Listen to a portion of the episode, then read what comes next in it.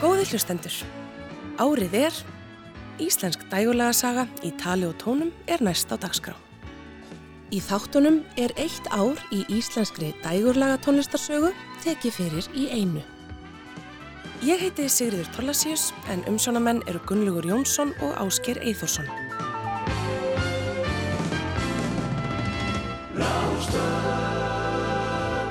Árið er 1996. Ég neyta að lifa eins og þú Djörkar fyrir aðra á þess að fá það Því mér finnst frábært að ég fái yfir sjálfu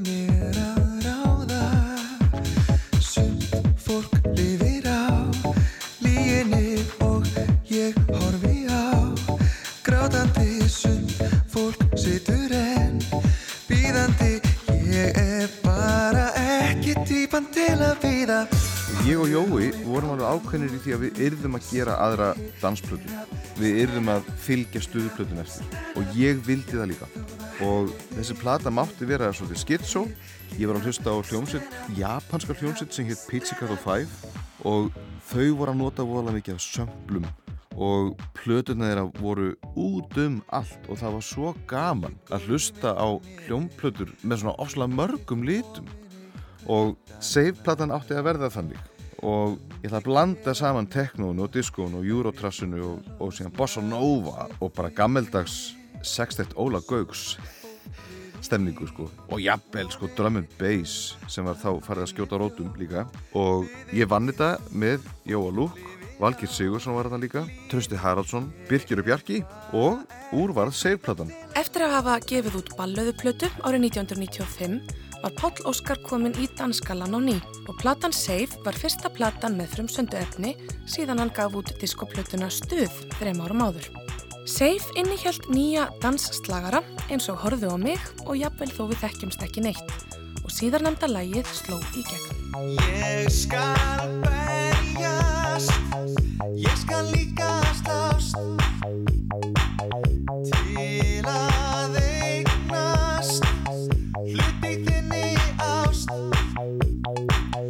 Lifur öllum fingur þér. Ég var fyrstur í rauðinni Og hint að fá að dansa einn með þér. Ekki segja nei Kanski Kanski Gæti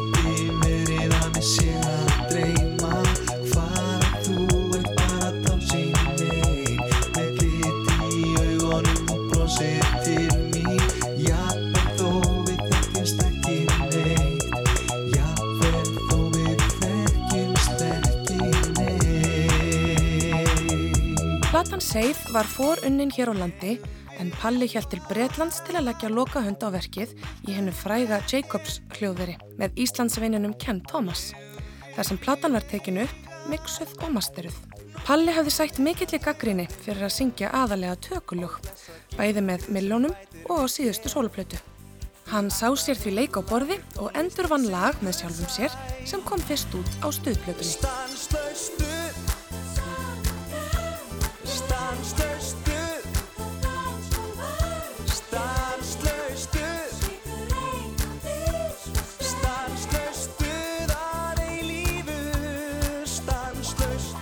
Stuð Stamsastuð kom fyrst út á sko stuðplutunni 93 þá vorum við að gera það í svona Barry White feeling. Algjörlega handhelt og okkur langaði að gera sagt lægið sem Barry White glemdi að semja. Þannig að 96 þá ákvaðum við að gera house útgáfu af stafsastuð það er útgáfan sem virkaði og það er útgáfan sem er spiluð held ég enn þetta í dag. Byrjar aftur þessi ólýsanlegi kraftur sem líkt og tígrist í læðista bráð. Gefst ekki upp fyrir dýrun en á verður að fá lögin heyrast og stertir fæturni þurfa að reyfast frá fylgja mjálmittar ögrandi með og blessa gingrið sem bætir mitt get yeah,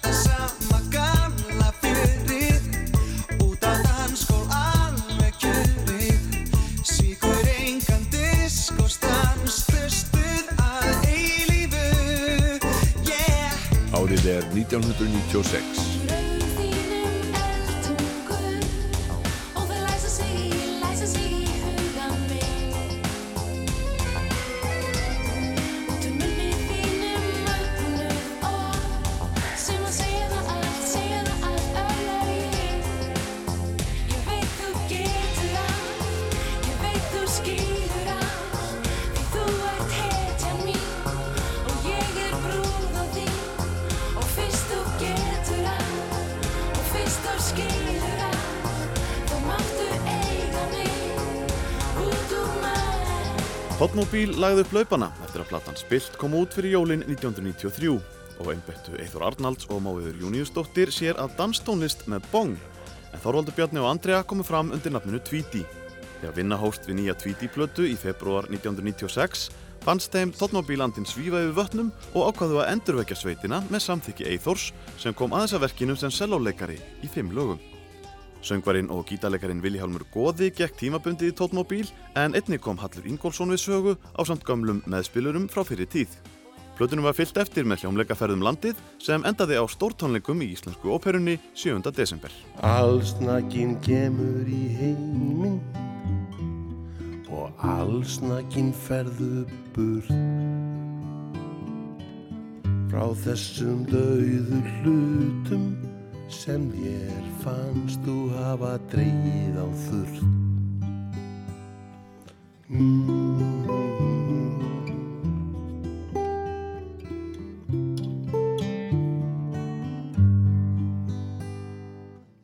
Og eftir lífsins vegi maður fer það sem hann fer en vist á miðjum degi dauðin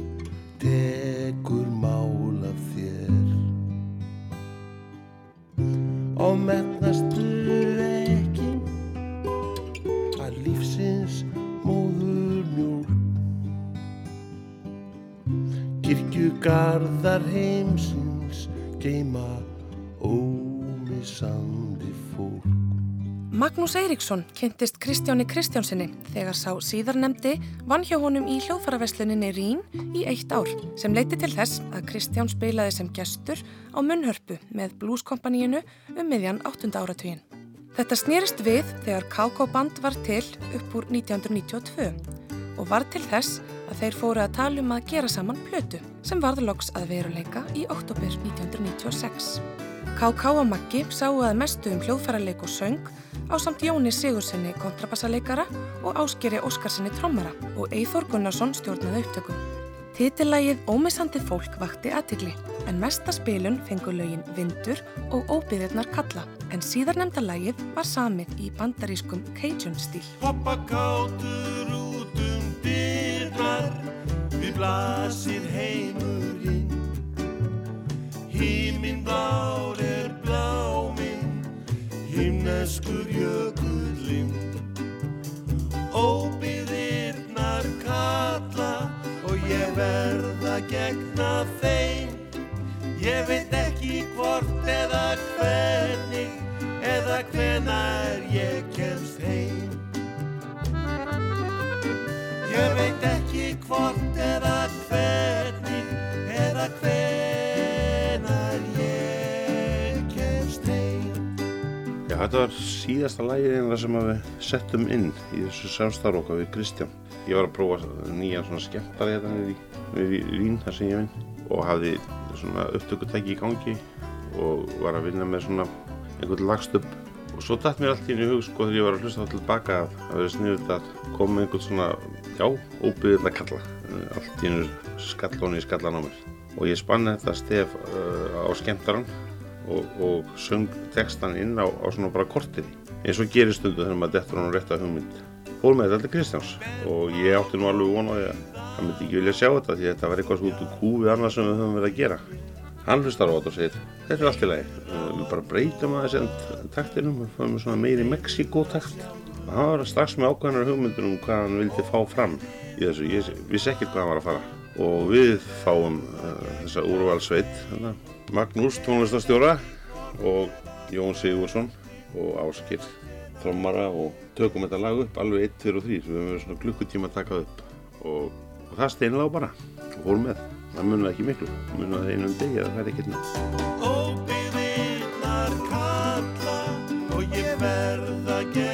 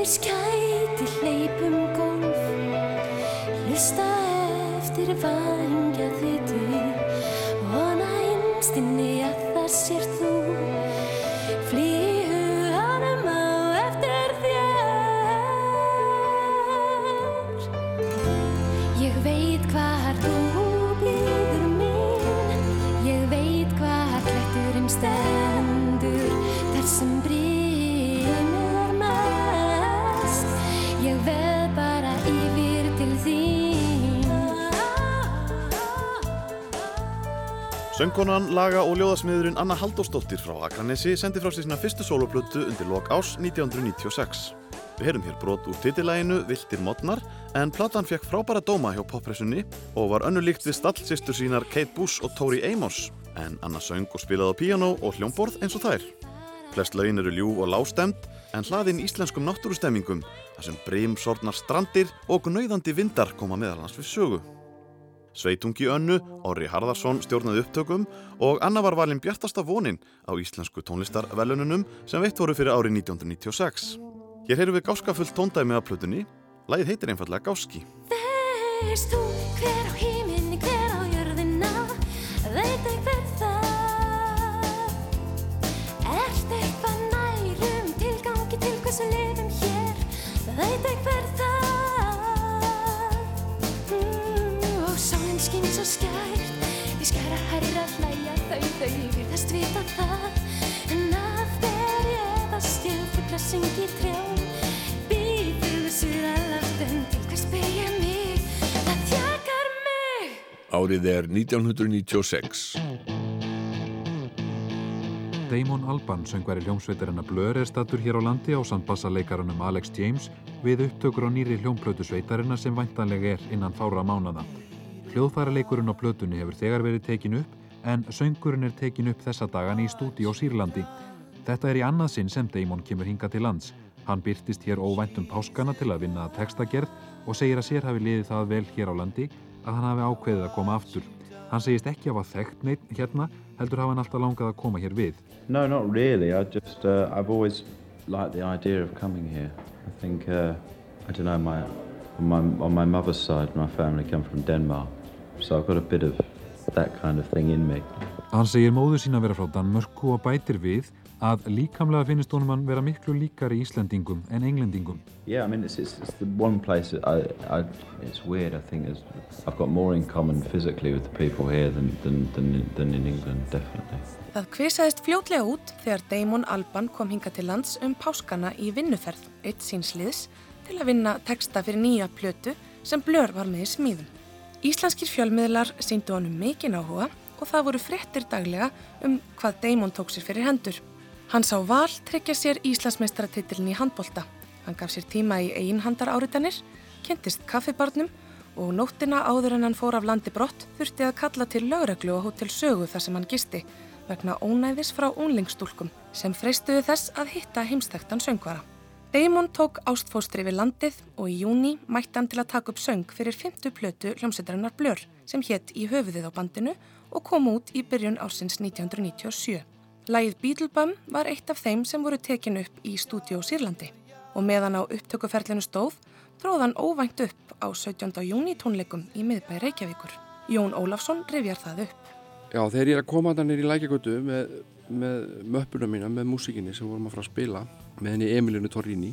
Þá kemur til mín einhver takkjamaður eða hljóðmaður hérna og segir mér að Damon Albarn sé mættur á sveið og hann sé til í að syngja með hljómsveitinni. Og ég svona jábyttu ok, og hvað hérna, hvað hefur átt að syngja? Bara kunni ekki eitthvað með blöður eða eitthvað. Og ég sagði nú við þennan manni ég, við varum ekki mér slíkt neitt æft á prógraminu. En allavega hann fylgir mér hérna bak við uh, pallin sem að hljómsveitina spiluð á. Og þar var rúta sem var notur svona sem baksvið fyrir tónlistafólki þar er pop kongurinn Damon á samt upptökustjórunum Stephen Street sem að ég nú eiginlega ekki minna ánaður að hitta en allavega Damon var í miklu stuði Þetta var, þetta var snemma dags, bara eitt, tvö daginn eitthvað og hann hefði nú reynilega ekki sofinett mjög mikið. Það var svona góð gladur og kaupstæðilegt á hann. Og hann, já, já, hann er til að syngja bara og hvað, ef við ekki að taka bara eitthvað kingslag, segi ég. Jú, endilega, segi hann, hvað, kunniði Waterloo Sunset. Og svo skemmtilega vildi til að við vorum öll að spila í síningunni Stonefree þetta sumar, þessi hljómsett og Emiliana Torini var að leika þar að syngja og Waterloo Sunset var á prógraminu, þannig að við kunnum það alveg pott þér. Svo fyrir gang einhver hérna bakratæfing í hérna rútunni og hann er eitthvað að að stjórna okkur og segja hvernig rættirnar er að vera og, og meðan bara stóð upptökustjórinn Stephen Street fyrir aftan Damon og, ránkóldi bara augunum að því þetta var yfirleitt bara tóm steipa sem hann var að að segja okkur og við bara já, guðum þessu öllu bara, já, já, ekkert máli, já, já. Og síðan náttúrulega þegar koma læginu á eftir þá bara spiliðu við lægið eins og, og átt að vera. En það var svolítið merkilegt þegar hvernig það gerði síðan á sviðinu. Við tókum eitthvað eitt eða tvö lögum í Emilianu Torrini, svo kynnti hún Damon Albarn. Og þá heyrði maður bara svona gný frá fólkinu. Þetta var þá bara svona hljóðin sem maður heyrði á gömlu bílatónlingunum, bara svona suð. Og svo kom hann inn á svið og, og þá bara skall mannfjöldin á pallinum og bara pallinu hlistist og svo byrjuði þið að spila fórspilið á Waterloo Sunset. Og við heyrðum ekkert í sjálfum okkur fyrir háa. Hann var náttúrulega rosalega stóra á þessum tíma og, og hann leist þetta bara mjög vel og, og, og þetta var mjög skemmtilegt en ég hef bara held ég aldrei heyrti að byggja háaða í íslensku mannfjölda.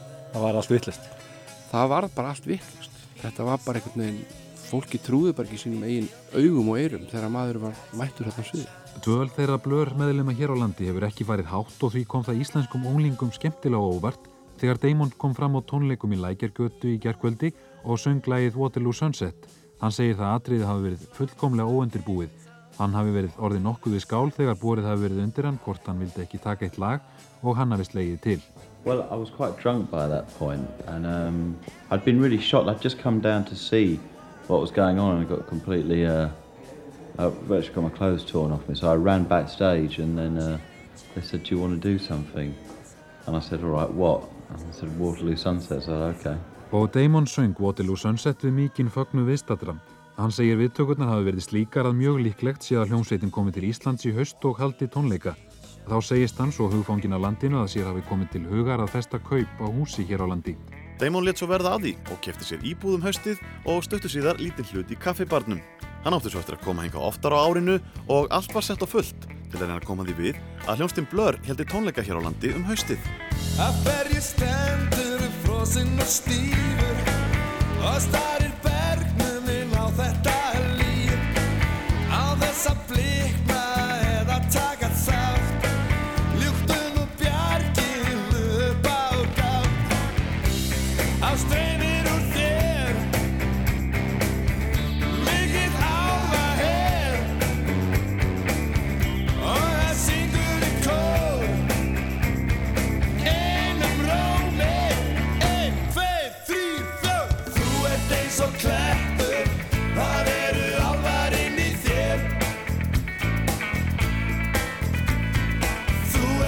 og klettur það eru álvar inn í þér.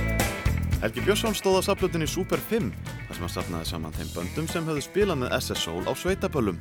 SS Soul var með þrjú lög á plötunni og þeirra vinsalast var lagið Það eru álvar inn í þér. Það býður bara ferðalag, ferðalag Allir vera dags að vilja koma það Upp í betur prófessorinn hefur það sem alltaf þeim er um sem á bankast á. Þrápa við um hennu sér í lagningu Því var sett af og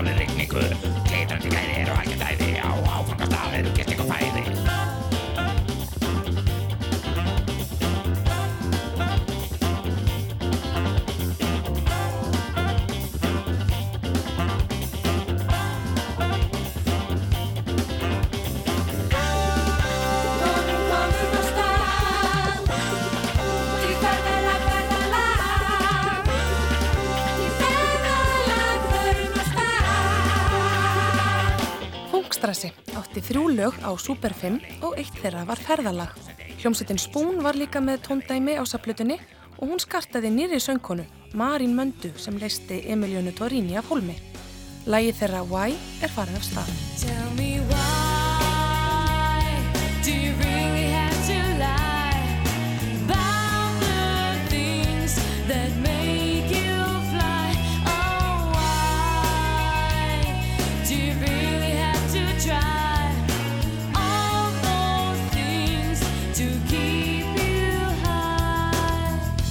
Á saflutinu Super 5 var hapfiska rocksveitin Botleðja með lagið Ég vil allt og þáttaka þeirra í plötunni átt eftir að draga dilk á eftir sér.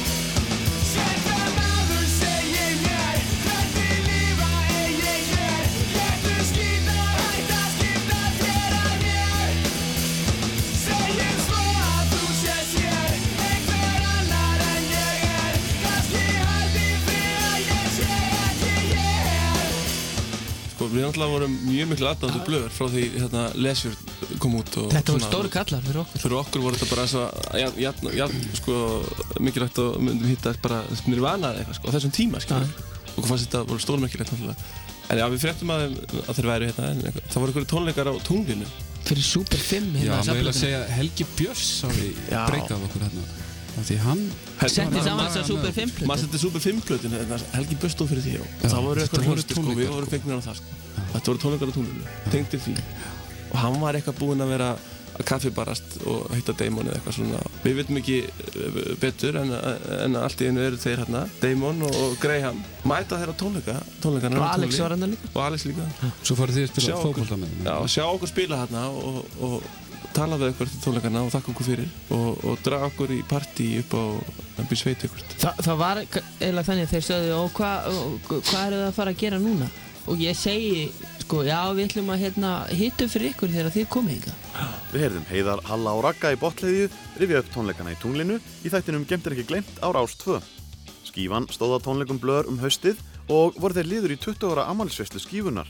Þrátt fyrir að það væri eindregin vilji blör átti botleiðja ekki að fá að hitta upp fyrir það í höllinni. Svo var það eitthvað sko að því að við vorum ekki hjá skífunni og skífan vildi ekki að við hittum upp á tónleikunum. Vildu fá skífuband það fá var skífa sem var skífuband, standa sko. fyrir sko. Og við hringd, fengum númur hans í gegnum einhverjar grúbís sem voru uh, með þeim hann á þessum tíma. Þú veist sem voru með, með blöðstrákonum sko.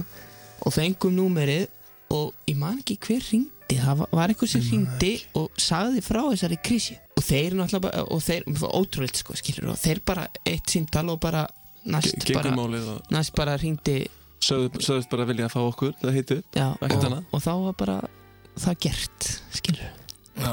Hita upp hérna heima Og þá halda þeir hérna hvað tónleika í Lóðarsvöllinni ekki? Þið hýttu upp. Það var mikill hiti fyrir tónleikunum og fullt út úr dyrum í höllinni. Blör voru að spila saman í fyrsta skipti í tvo mánuði og þetta voru fyrstu tónleikarnir sem þeir spiluðu nýja efnið sem þeir tóku upp á Íslandi. Á samt botleðju hittuðu SS Soul og Jet Black upp en síðastnemda sveitin var leifarnar af Jet Black Joe þar sem Gunni Bjarni stóð einn eftir stoppmeðlima.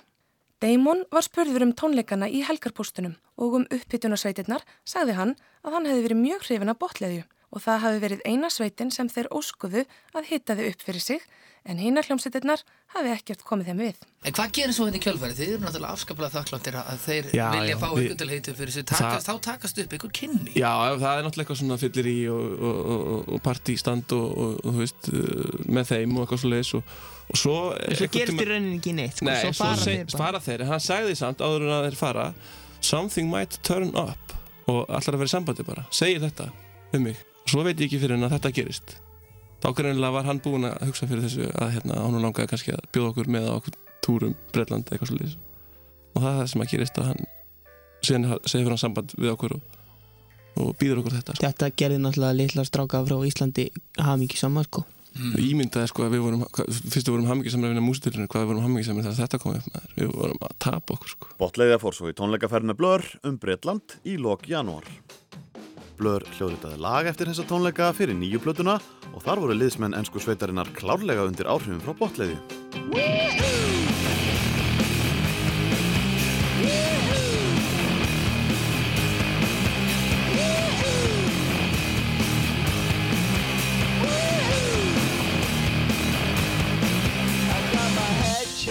Svo er þessi stóra samsverðiskenning sem að er ennþá lifandi að þeir hafa svona hrifist af ykkur og þeir fara að gera plötu hérna, hlustin blur. Þá gera þeir lag sem heitir Song 2 sem er held ég ennþá allra vinsælasta lag sem að Timon Alban hefur samið.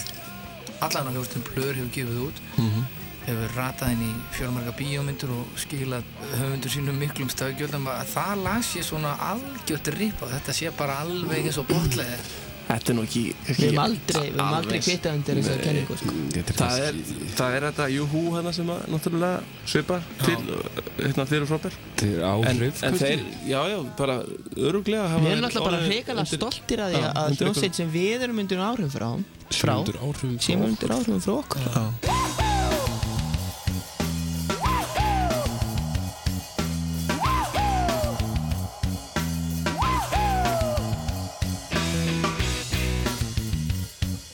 Árið er 1996.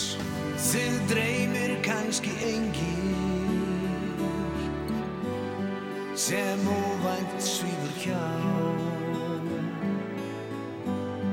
með silfur skæra vangi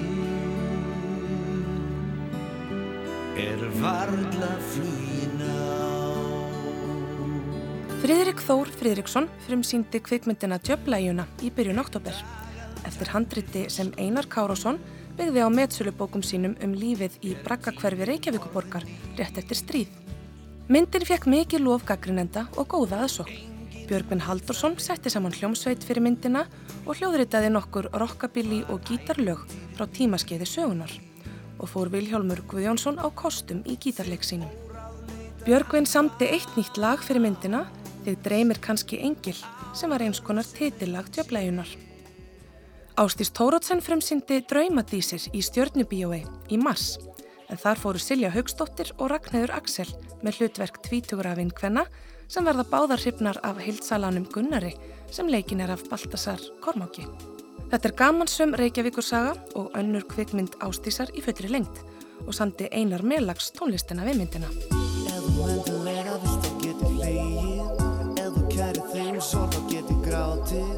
Það er eftir alveg eins og er. En þú réttu svörin öll úr mínum ranni. Ef þú slæst eftir mínum innri manni Þá er ólíklegt að þóli meira eins og er. Það hefur liðið þrjú ár frá hérna útgáfu fyrstu soloplötnar Líf sem kom út 93 og hérna ég var búinn að ganga nokkuð lengi með hugmyndir að nýri plötu í, í maganum og uh, hafði verið í sambandi við Mána Svavarsson. Mér langaði að gera svona svolítið rafrænt pop. Það var svolítið að ríða setja rúms á þessum tíma. Ég man að hérna, músíkstefnur eins og trip-hop og, og hérna, drum and bass og eitthvað svona, sko, það var ímislegt í gangi. Mér langaði svolítið að feta þá slóð og svona tvinna það saman, sko, ég sko, hafa svolítið poppaða þannig tónlist og þetta var svona upplegið með plötuna eins og er. Og við fórum bara í sumarbústa saman, ég, Máni og, og Fridrik Sturluson, mín hægri hönd sem oft hefur verið og sömdum músík á þessa plötu og þetta, ég var alveg mjög ánægð með þessa niðurstöðu og hérna, þetta er svona eina af mínum uppáhaldsplötum. Ég uh, man að ég held svona í álgera útleið til hveragerðis þegar ég var að semja textana við plötuna. Það var svolítið anríki í kringum mig. Við vorum að flytja og fjölskyldan og, og það var svolítið svona rótleysi og já, kannski mörguleiti erfiðu tími. Allavega til þess að einbetta sér að einhverju listsköpun. Þannig ég hérna, bjó í hveragerði í, já, svona einhverja 5-6 daga og samti þar textana á, á plötuna. Og um, þetta er svona plata sem ég held svolítið mikið upp á. Stefán Hilmarsson sagði frá annari soloplötu sinni sem fekk nafnið Eins og er og við heyrðum brot úr titillæginu sem Máni Svavas samti með Steppa. Sálunans Jónsmís var í fríi þar sem Guðmundi Jónsson bjó í London og Stefáni gafst tími til að vinna plötuna en um sumarið söng Stefán með miljónumæringunum og kallaði sig Stefán Hilmars með setu. Hér er farið að hljóma hér ángurværa lag í fylsnum hjartans eftir Stefán og Ástvald Traustason. Ég vildi geta stöða tíman hér og nú Innramma stundina í starrendin er svo Að allt sem ég þrái mest Allt sem að mér er mikilsvert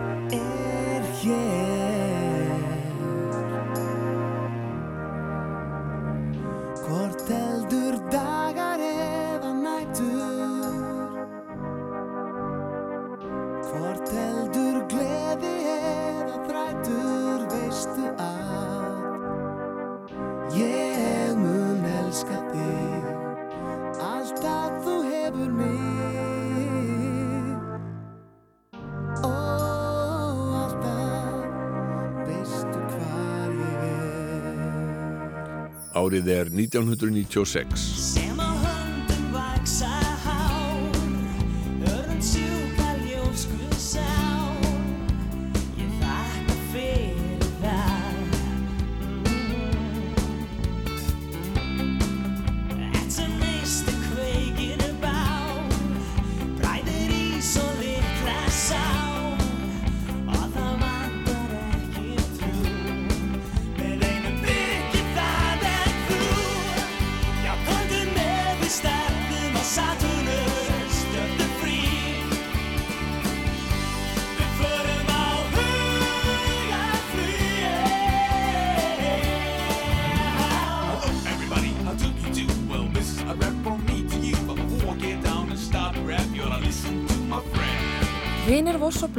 sendu frá sér sína þriðju plötu á jafnmörgum árum. Hún fekk nafnið Pluto og reyndist vera meðvitaður svanasöngur þeirra. En hvers vegna lögðu þeir upp laupana eftir sumarið 1996? Njáll Þórðarsson, hljómbórsleikari, rifjar það upp. Í raun og veru var það alltaf ákveðið upp að þetta yrðu þrjárplötur og við ætliðum að gefa út eina plötu á hverja ári þannig að það var í raun ákveðið myndum hætti 96. Eins og svona bönd eru, það eru toppar og lægðir og við náðum líklega toppnum hann 94. 96 var svona, svona aðeins farið að minka bössið í kringum okkur og eftir þessa plötu Pluto sem kom út 96 þá voru við óskup sáttir við að hendin flagginu. Það var rauninni, það var yngar efisendir, það var allir sáttir við það og það er rauninni gengi allir hengt verks. Það sem meira er að, og svolítið sérstætt að aðeins tvítur, þá vorum við að pæli þessum gildum. Við vildum ekki gera þetta nema við höfum gaman að þessu. Af því að það er erfitt að smita salin ef að menn er að skemmta og eru hrút fúlir og leiðilegir sko. Þannig að það var að fara að bera á því hérna 96 og þar satt við. Þegar vinir Voss og Blóma voru að pakka saman eftir þrjár plötur og þryggja ára stanslösa kyrslu voru tvær sveitabalasveitir að gefa út sínar fyrstu plötur.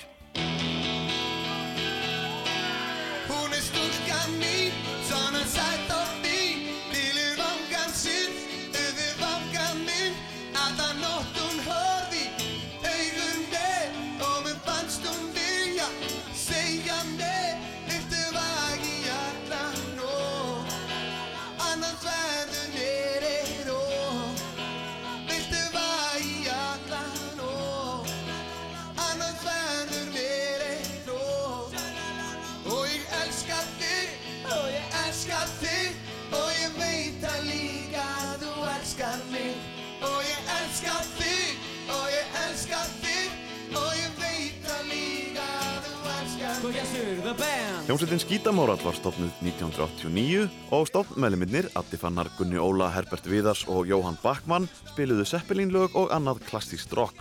Sumarið 1996 gaf hún út sína fyrstu plötu og gerði út á sveitaböllin á Suðurlandi og þá var 50 meðlumur bandsins hljómbásleikarin Karl Þór Þorvaldsson. Platan fekk nafni Super og endurgerð Skítamórals á deildarbungubræðralæginu Stúlkan mín náði vinsældum.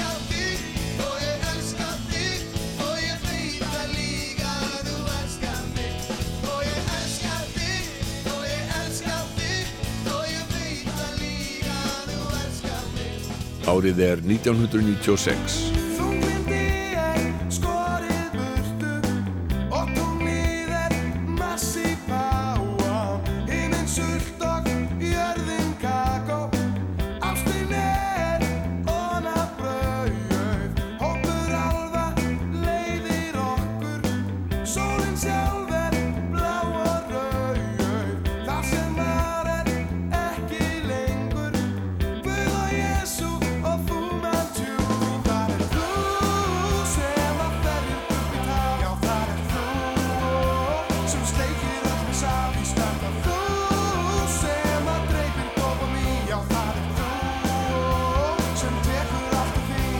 þín Soldögg með söngvaran Bergsvein Arlísson í farabrotti sendi frá sér fimmlega plötuna Klám í júni. Liðsmenn sveitarinnar vönduðu til verka og unnulögin með upptökustjórunum Adda 800 í stúdíó Sýrlandi sem skilaði sér í góðum hljómi og við heyrðum brot úr upphafslægi plötunar sem ber nafni Slím. Hljómsveitin Stjörnukísi sigraði í músiktilunum 1996. Sveitin var skipuð Sölva Blöndal, trommara, Úlfi Tjaka, söngvara, Viggo Jónssoni á hljómborð Bogar Einisinni á bassa, Richard Oddi Plötusnúð og Gunnari Óskarsinni gítarleikara. Þeir fengu 20 hljóðverstíma í stúdíu Sýrlandi í Verlaun og sendu frá sér þryggjalega vínilplötu um haustið. Platan fekk nafnið Veðurstofan og þar voru lögin Bláskjár og Maja Bífluga sem er fluttu í Tónabæ og eitt glænýtt sem heitir Glórulaus.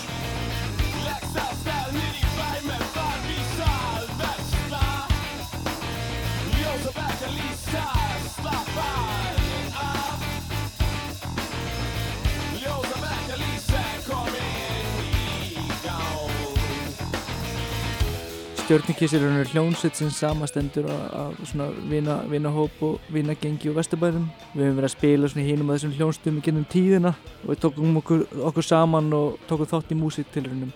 Þegar við tökum þátt í músiktilrunum þá erum við svona, við erum þó nokkuð sjóaðir svona spilamennsku. Við erum búin að spila nánast á hverju einustu ölknæpu bæjarins yfirleitt fyrir færre en tíu en við vorum, vorum rosa sjóaðir í spilamennskunni þannig að við eiginlega unnum músiktilunir svona til að öruglega sko. Í kjölfari gáðum við tíu tómuna en svona fljótlega eftir það þá erum við hætti í hljónstinni. Ég hafði ótrúlega gaman að spila með stjórnikissa og við gerum mikið frábæri tónlist saman og, og sumt hvað sem ég er mjög stoltur af en þetta var svona sem var að vera til og það var svolítið mitt baby mi- minn hlutur og, og mér langaði til að helga með því bara algjörlega. Sölvi Blöndal, trómar í stjörnukísa, rifið upp örgansigur sveitarinnar á músiktilunum 1996 sem haldnar voru í Tónabæ. Stúlknarsveitin á túr var í öðru sæti og hljómsveitin Gull í því þriðja. En svo sveit skartaði Bjarka Sigursinni sem var á þessum tíma einn efnilegasti handbóltamaður þjóðarinnar en átti síðar eftir að einbytta sér á tónlistinni meðal annars sem B. Sig. Söngkonasveitarinnar Katrín Eikins spilaði auk þess á trommur og var valinn besti söngvarinn og endalega fyrir þessa túlkun. Might be. Till looking on an newsman, the face that I could see, my fancy fell a turning, it fell turning. Long was the combat doubtful, the lover loved to fight, to lead them the lovers, or kill a gallant knight, to put in practice either, unless it was a spite, unto the silly damsel. But one must be choose, one mingle was the pain, that nothing could be used to turn them both to gain. The other two, the trusting that was wounded with disdain. Alas, she couldn't help it, she couldn't help it. The so in arms contending was victor of the day, which by a gift of learning did bear the maid. And lullaby the lone man half got the lady gave her my song is ended. Árið er 1996.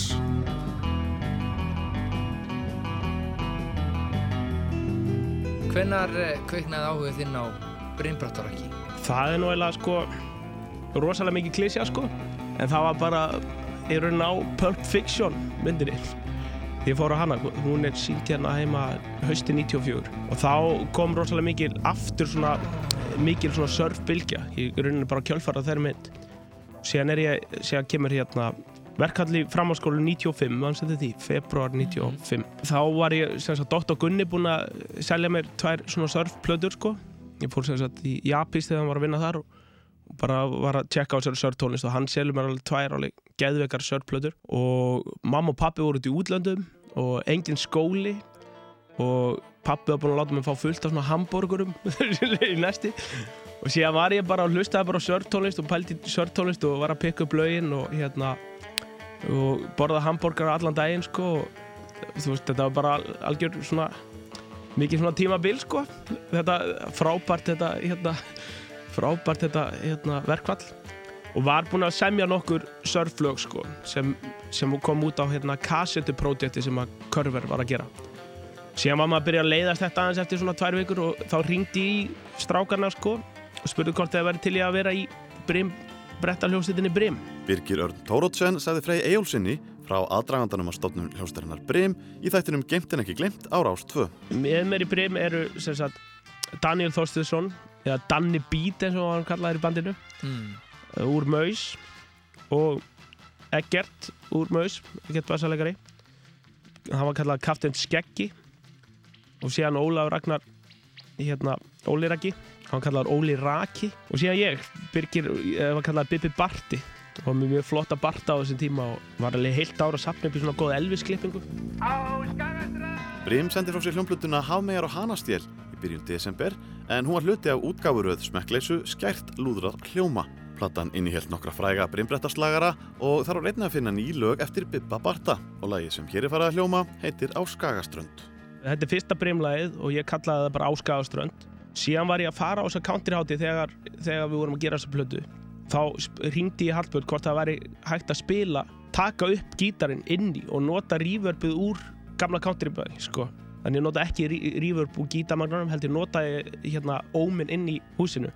Og hann sagði já ekkert mál. Og daginn eftir fekk ég hann Hallbjörn til að syngja inn á svona diktafón. Hérna nokkur svona öskur, svona kúreka öskur sem settum inn í þetta. Þannig að já, þetta er bara, þið heyrið þannig að hljóminn úr gamla countrybæ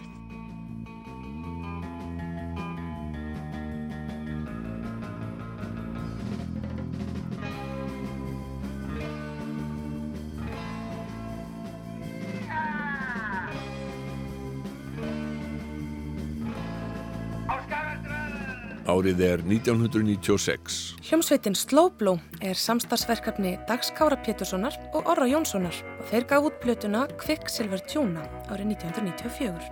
Svo var tekin upp á kassettutæki í bílskúr og þeir unnu nýju plötuna í sama bílskúr en voru nú tveimur rásum ríkari. Platan Fúsk kom út fyrir jólin og nuti þeir aðstóðar gestasöngvarana Daniels Ágústs og Emilionu Torini sem söng lagið Seven Up Days. Early morning when the sky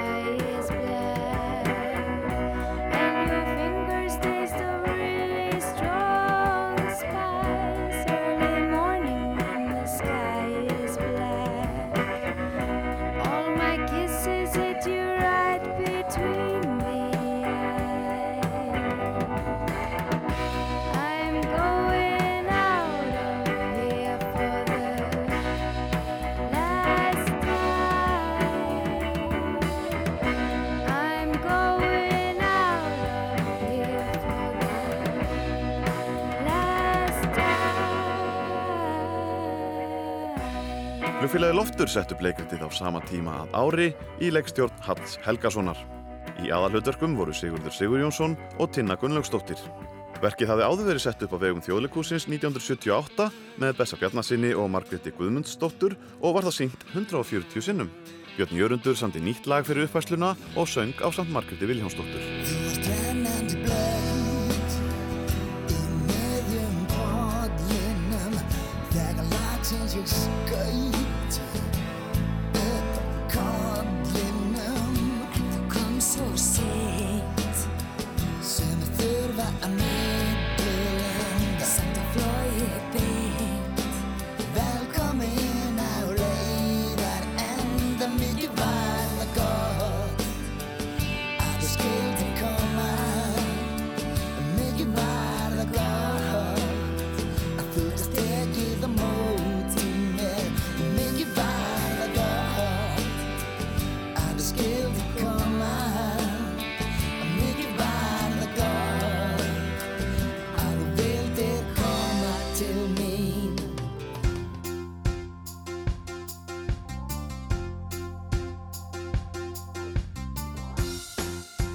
Þetta tengist nú eiginlega danstólustinni svolítið að því að Maggi Skeving kom til minni þar sem ég var að vinna hjá Sævari Karli og var þar að selja jakkafutta hín út inn.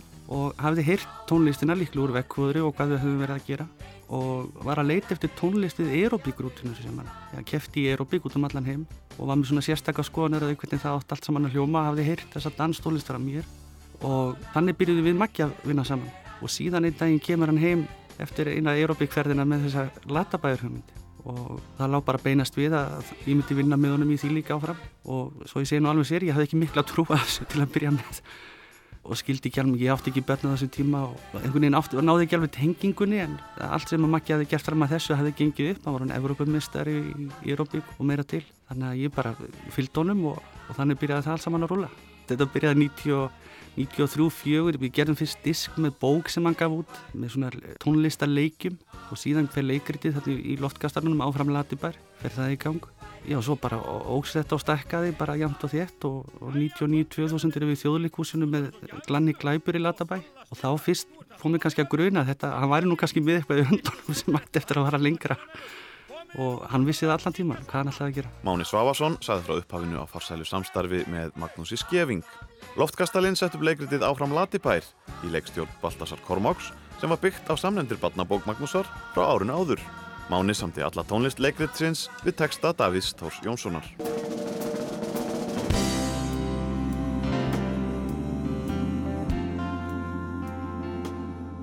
Hinn fjölhæfi listamaður Hörður Torfason hjælt árlega hausttónleika í borgarleikusinu 7. september og kynnti nýjustu plötu sína Kossin. Nokkrum dögum fyrir tónleikana sendi Hörður harðort bref til allra fjölmiðla og kvartaði undan áhugaleysi og lítilli umfjöllun. Þar mátti lesa eftirfarandi. Ég vil að þessi fjallað um mig og list mína af einhverju alvöru. Ekki bara að byrtist ein lítil mynd og sagt, hann er poppari, hann var að halda tónleika, búið. Ég er að vinna í því á fullu og undirbúa tónleika, gefa út plötu og leikstýra um land allt og ég er orðin þreyttur á því að vera hundsaður í sífellu.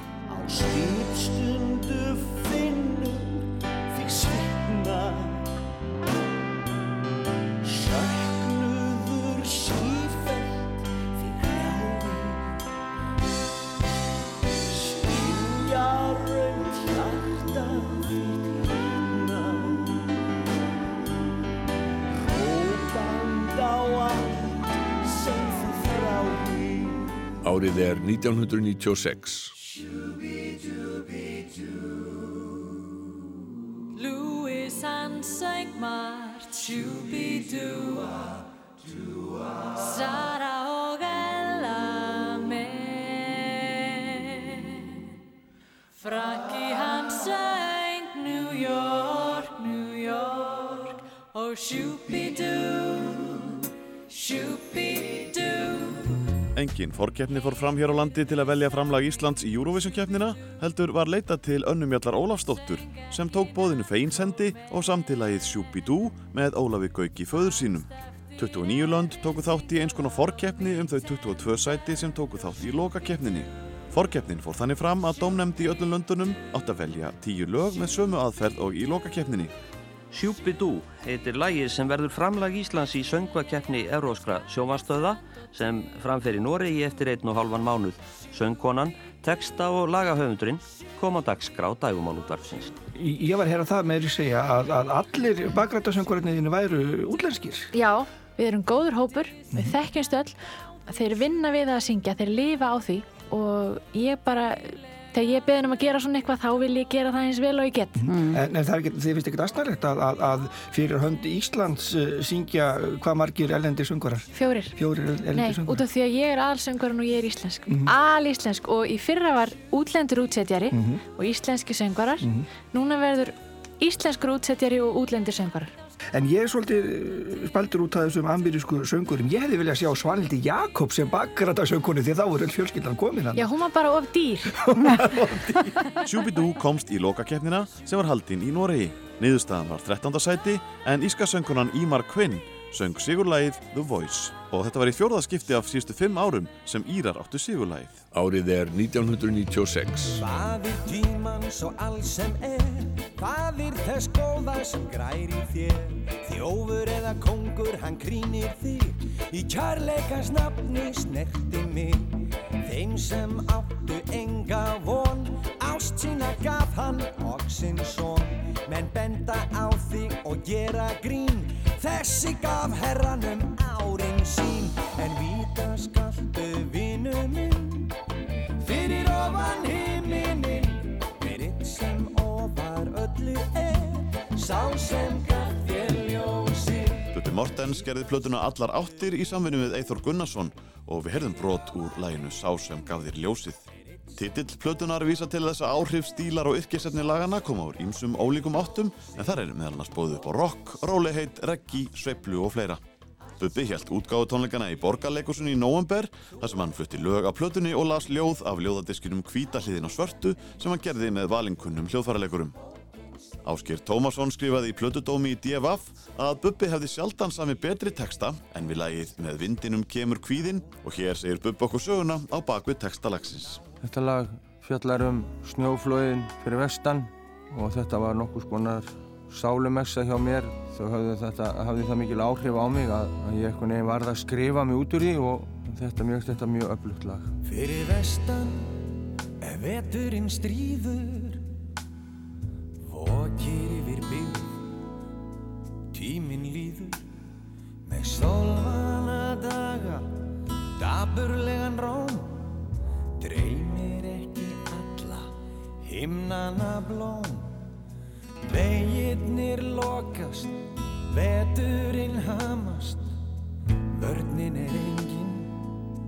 þorpið lamast. Menn horf upp í hlýðina sjá ekki neitt. Híminn og jörg renna saman í einn dag eftir dag snjónum kyngdi nýður dúmjúk mjöll þessi hvíti fríður í rökgrinu þorpi síndist svo smátt Svo fór hann að kvessa úr annari á. Og með vindinum kemur kvíðinn. Út er kólsvart hríðinn. Og fjallið það öskrar Svo fellur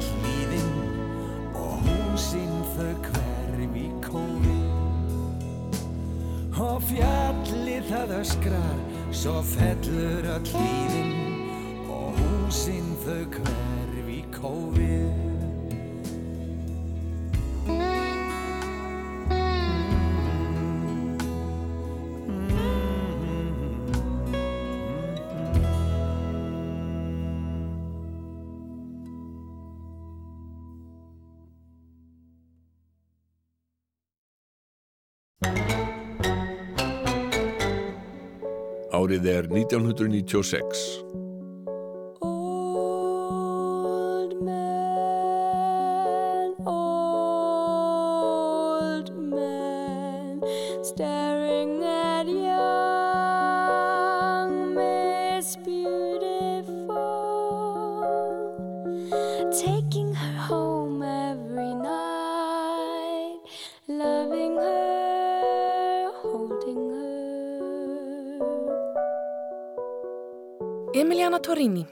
fyrstu plötu sinni eftir strax á næsta ári og í félagi við Jón Ólafsson sendi hún frá sér plötuna Mörmann. Á fyrstu plötunni voru engöngu tökulög og var hún gaggrind fyrir að hafa ekki frumsamin lög með. En á Mörmann sömdu Jón og Emiliana í saminningu fimm lög og eitt þeirra, Old Man and Miss Beautiful, hljómar undir. En hvers vegna ákváðu þau að semja ný lög fyrir plötuna? það var ekki út af hvað fólk var að segja það hefði vorulega sjaldan áhrif á mig. Það þýði vorulega lítið að fara eftir því því að maður veit heldur ekki hvað fólk vil þannig að fyrir mér var þetta miklu meira að ég kom úr óperu. Ég skildi ekki þetta okkur, þú veist það er aldrei verið að segja við óperusöngur að, skri að skrifa sín eigin verk. Þannig að ég kom miklu meira frá þeim punkti til hvers. Um, ég er sönguna, ég er ekki lagahöfundur.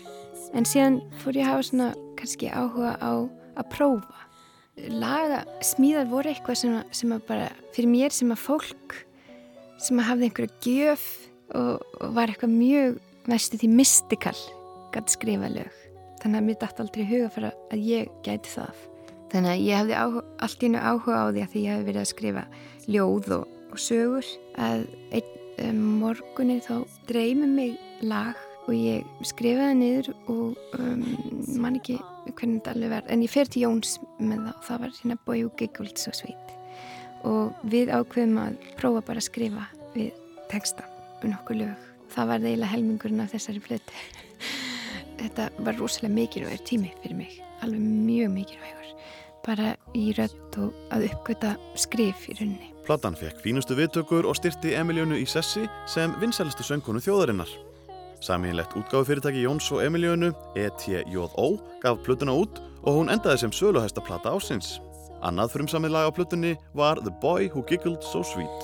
The days went by until one little night with this one little moon hanging in its black sweet little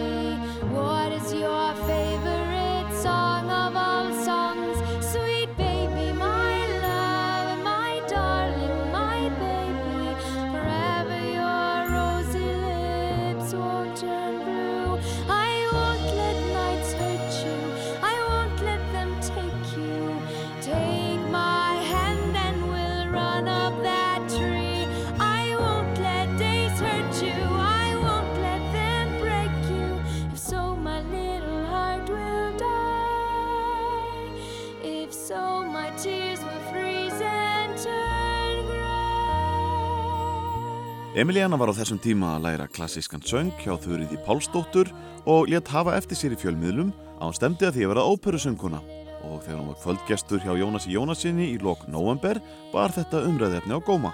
Þér er alvara að verða óperusöngkona, er, er, er það ekki? Þú Jú, ert komin á alveg. það stík. Hvað ertu gömul núna? Ég, núna er ég 19 ára. Jú, ég, ég stefni á það alveg 100%. Það er svo náttúrulega svo margar hindranir.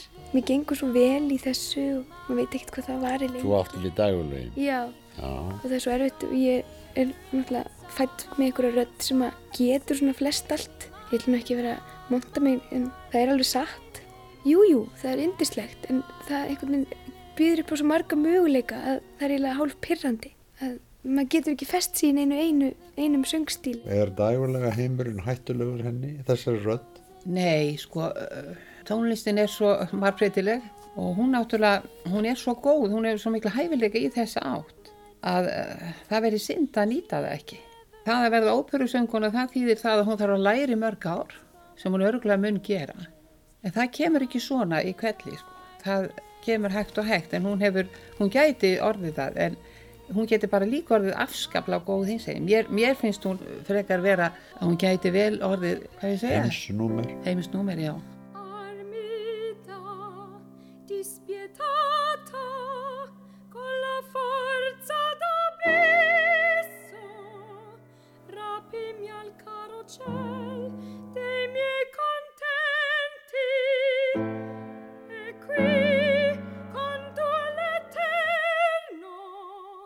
Emiliana Torrini söng óperuarju í þættinum hjá Jónasi en hvers vegna skildi hún hafa hætt söngnámi og valið poppið? bara fekk meira áhuga. Síðan var röddinn byrjað að breytast svo rosalega mikið. Þannig ég hafði svona, fór að hafa minni stjórn á henni í að nota hana sem, kannski meira sem hljóðfæri. Það var miklu meira, farin, þú veist, að tala miklu meira svona og, og það var allt komið í sópranin, að fara í sópranin og þannig að Þurriður tekur mig eiginlega bara teppið og segir hvað viltu gera og hún hérna stiði mig alveg í að fara frekar í poppið. Þannig ég veit ekki hvað það þýðir ég var bara ekkert nóg dugleg. Ég er svolítið svona löt og þegar ég fer að missa svona áhuga þá getur ég bara mist mig algjörlega. Þá hérna, en síðan fæ ég svona hvað ég verði obsessed af hlutum. Og þarna var ég bara komin hausnum að komin allt annar, annað. Fekk frekar mikið leið á því að vera alltaf að syngja sömu lögin. Óperan er svolítið þannig nema kannski setna mér þá hefur maður fengið að kynast mér svona nútíma verkum og eitthvað svona en ég var bara, það var bara að missa mig í rauninni Árið er 1996.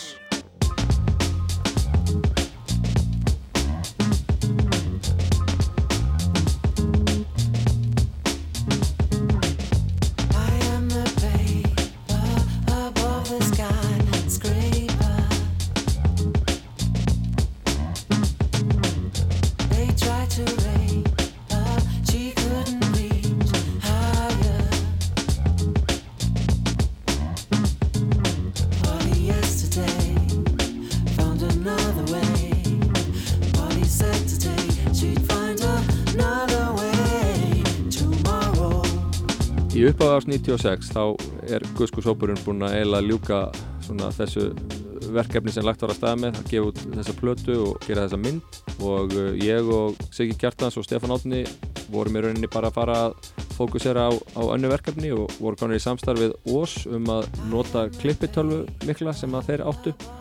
Og uh, samstafsamlingur gekk eða út á það að ef við myndum stökka með hana til London í, í viðgerð sem hann þurfti að fara í þá mættu við fá að nota hana fyrir lítinn pening í staðinn. Þannig að hann bara fyrstu dagina í janúar þá stekki ég upp í flugvil og tek þess að tölvu með mér. Lappin á verstaði í Soho í London og, og setja hann í viðgerð og átt að fljúa tilbaka bara að leiða þessi yfirferð væri, væri búinn en fæ síðan símdal daginn eftir og þá hafi verið brotist inn á verstaði og öllu þar inn í stólið þannig að tölvan var horfin og ég gæti eiginlega ekki farið heim og beðið eftir að ný tölva er þið sendt með posti því þá hef, hefði hún orðið tolluð upp á nýtt og þetta hefur verið svona svolítið, svolítið flókið. Þannig að ég ákvaða bara að býða og fá nýju tölvuna í hendurnar og koma með hana heim.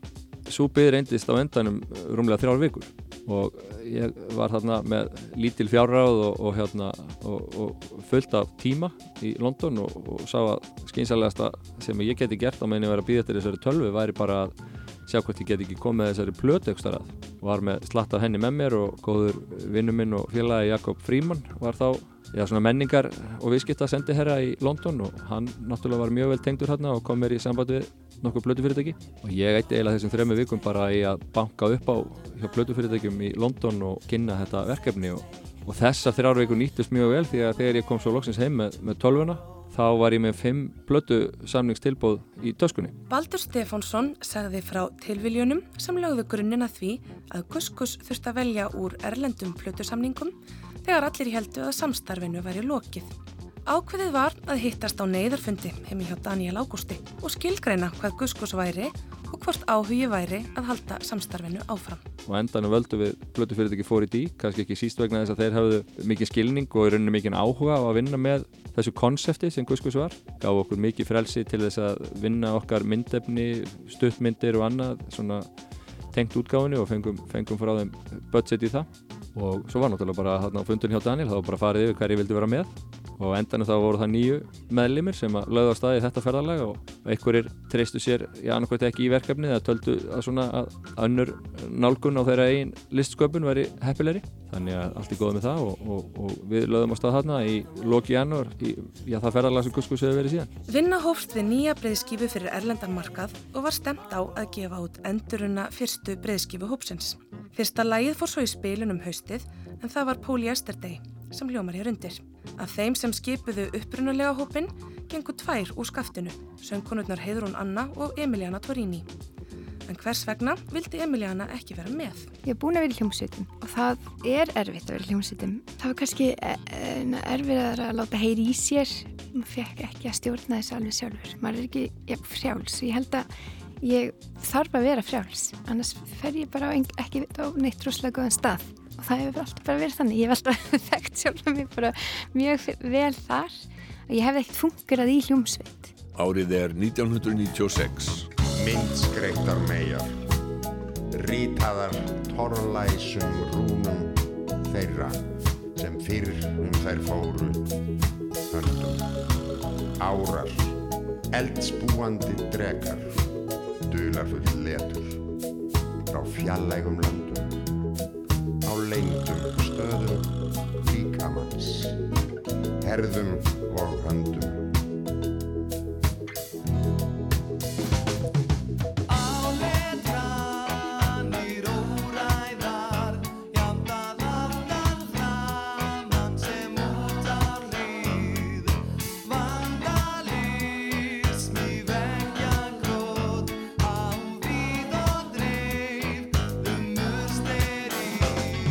Hljómsveitin Region Ice var stofnud 1992 og innihjalt þá liðsmenn frá fjórum löndum en hún varð al-íslensk 1994.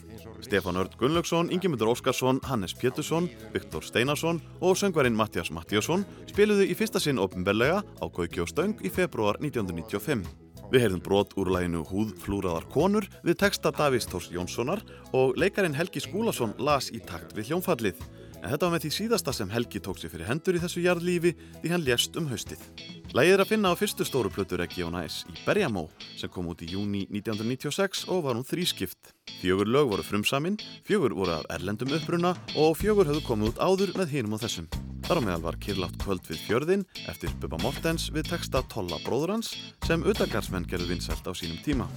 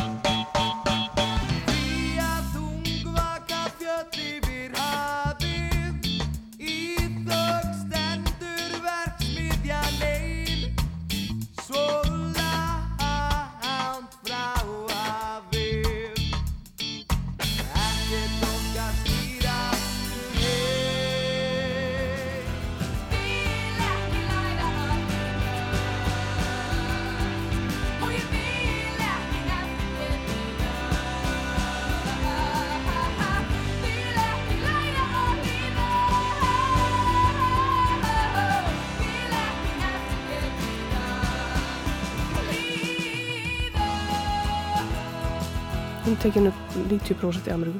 Fórum til Chicago og vorum í fimm vikur. Og var rosalega gaman. Og tókum upp með Dave Trumpfjó sem núna er þekktur upptökustjóri í Ameríku. Og þetta var í gegnum smekla sem alltaf og Sittrikur var hann með svona fylgjast með okkur og, og við varum í voðalega miklu stuði. Eða of miklu stuði við náðum ekki að klára plötuna. Þannig að þegar við komum heim þá kláruðum við hana með Ken Thomas hérna. Og hann mixaði plötuna. Elisa Geistóttir Njúmann, sönguna Kolrössu Krókriðandi, sagði frá upptökum á plötunni Köld er kvennaráð sem kom út um haustið og við heyrum Bye Bye uppafslagplötunar hljóma hér undir. Á plötunni voru þrjú lög með enskum texta og plani var að gefa þau út í Ameríku undir hljómsveitinafninu Bellatrix en ekkert varð úr því. Platan var 13 laga og í viðtali við DFF voru liðsmenn sveitarinnar kokkraustir og sögðu plötuna þá bestu sem þau komið út á Íslandi og þó víðar væri leitað. Fyrsta lagi spilun var Opnaðu augun þín og það sló í gegn.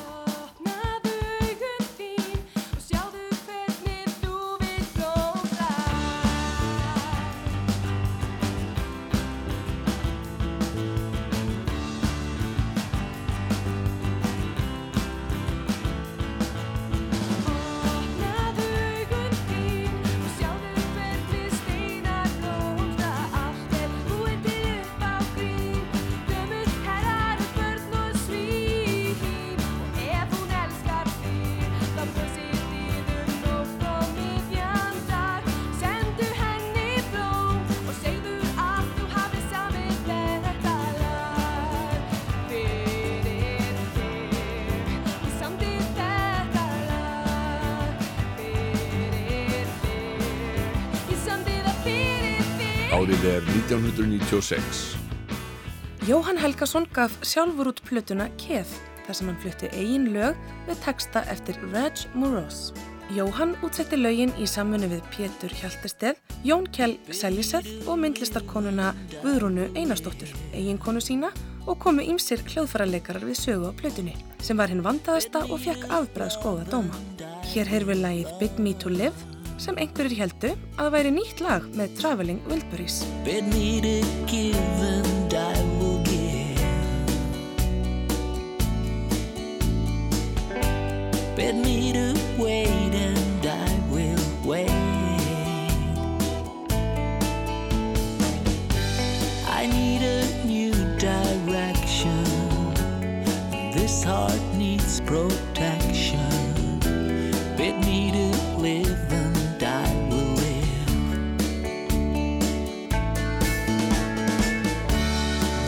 days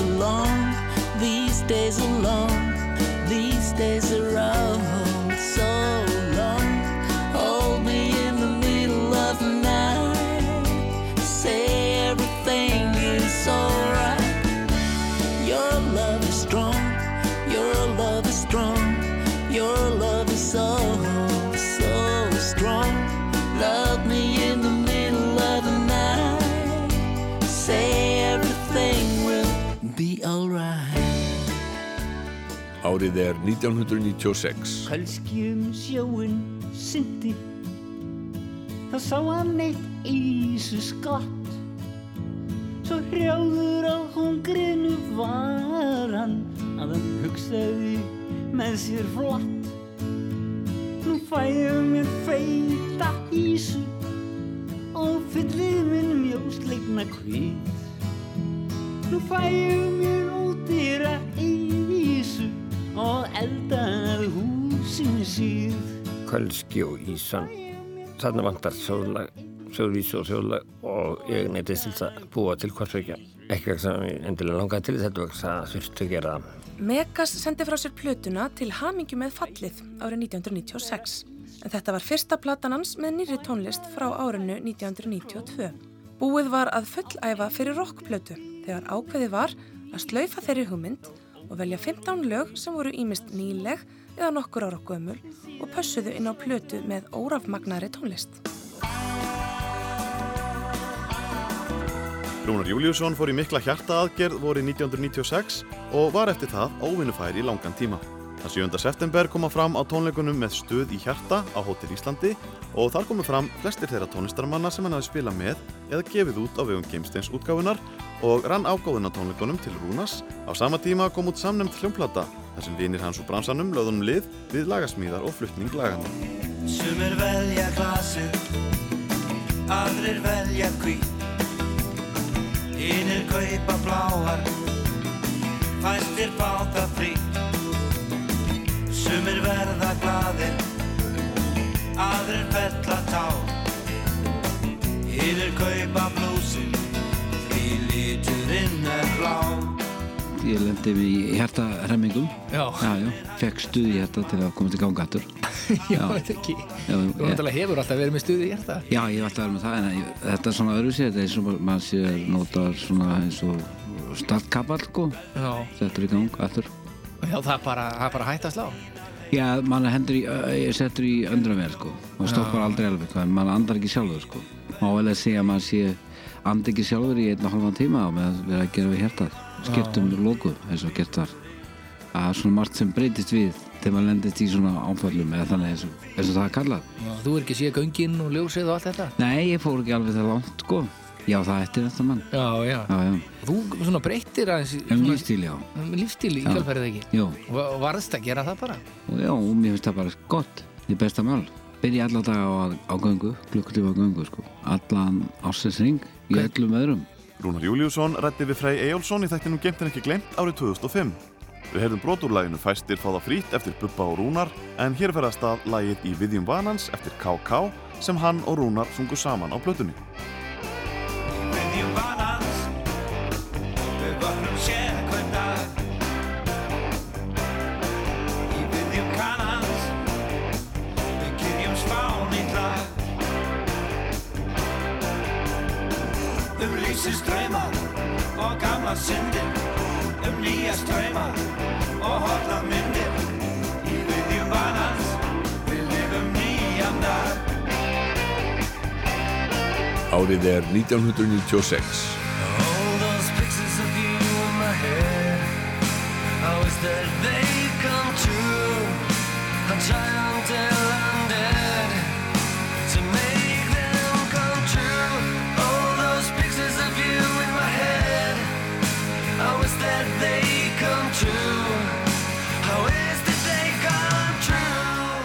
Hljómsveitin In Bloom var stopnuð 1993 og kom nafnið frá Nirvana.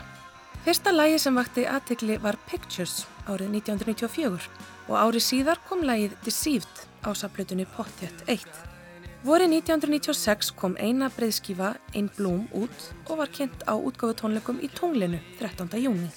Þar kvöttu þeir trommuleikaran Sigurjón Brink og kynntu nýja trommaran Jóhann Rapsson en strákarnir heldu síðan vestur til bandaríkjana til að frista gæfunar.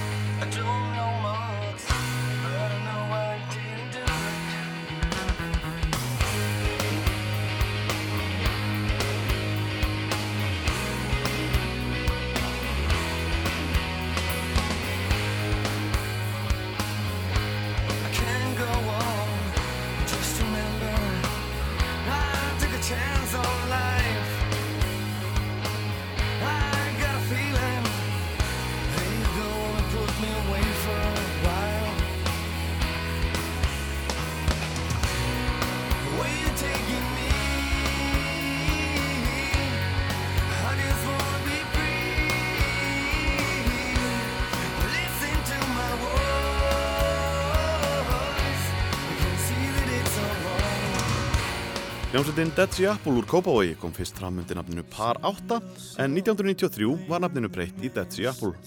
Sveitina skipuðu Steinar Logi Nesheim söngvari, Haraldur Vignir Sveinbjörnsson gítarleikari, Karl Jóhann Karlsson gítarleikari, Artór Þórðarsson bassalegari og Hannes Friðbjarnarsson trommari.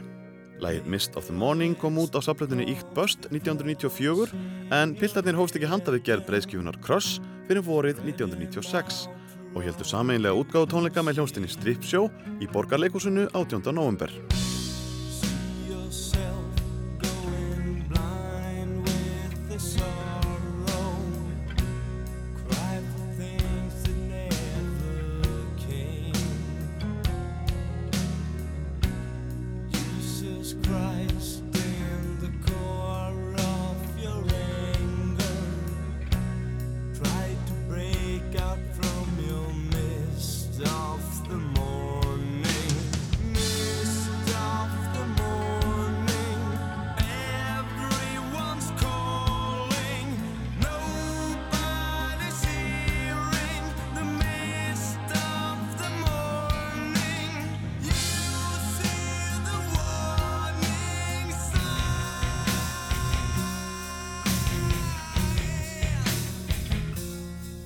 Hljómsveitin Strip Show sendi frá sér sína fyrstu plötu, Late Night Cult Show, árið 1996.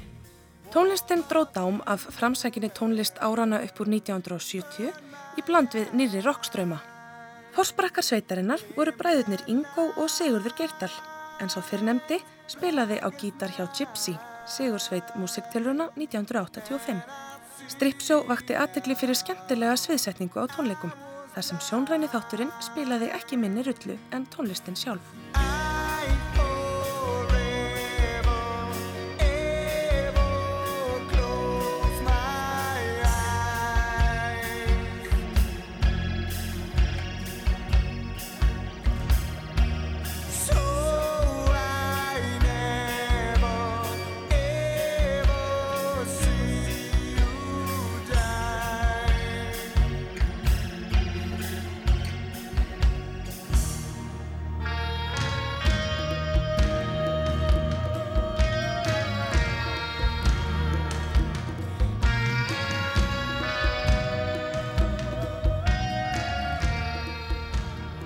Tónlistablaðið Undirtónar kom fyrst út haustið 1996 að undirlægi tónlistadeildar Hinshúsins sem var menningar og upplýsingamiðstöð ungs fólks á vegum Reykjavíkuborgar.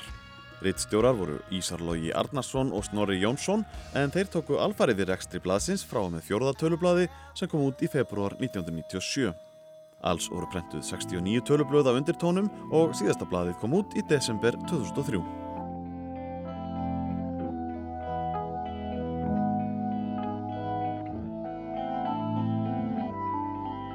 Haustið 1995 ætluðu liðsmenn Jet Black Joe að flytja til Lundúna en áður en að því varð kom heilagur andi yfir Pál Söngvara og hann ákvaða að hætta í hljómsutinni.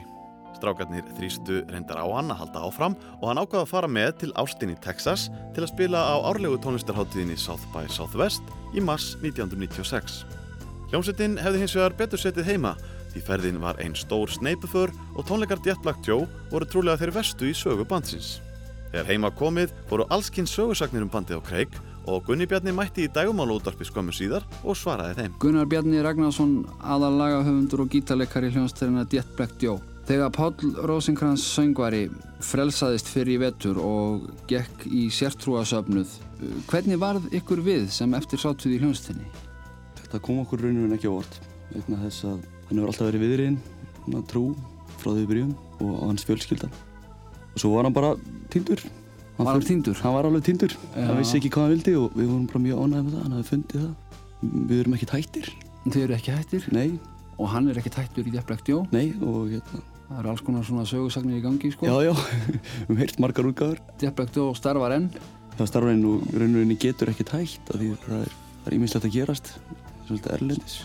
Konar Steinar, Berg skrifa undir samningi í Japan og Skandinavi er að koma inn núna á samt mörgum öðrum löndum sem við erum, að gera eitthvað. Og það er ekkert verið að vera með Kristín Söngvara?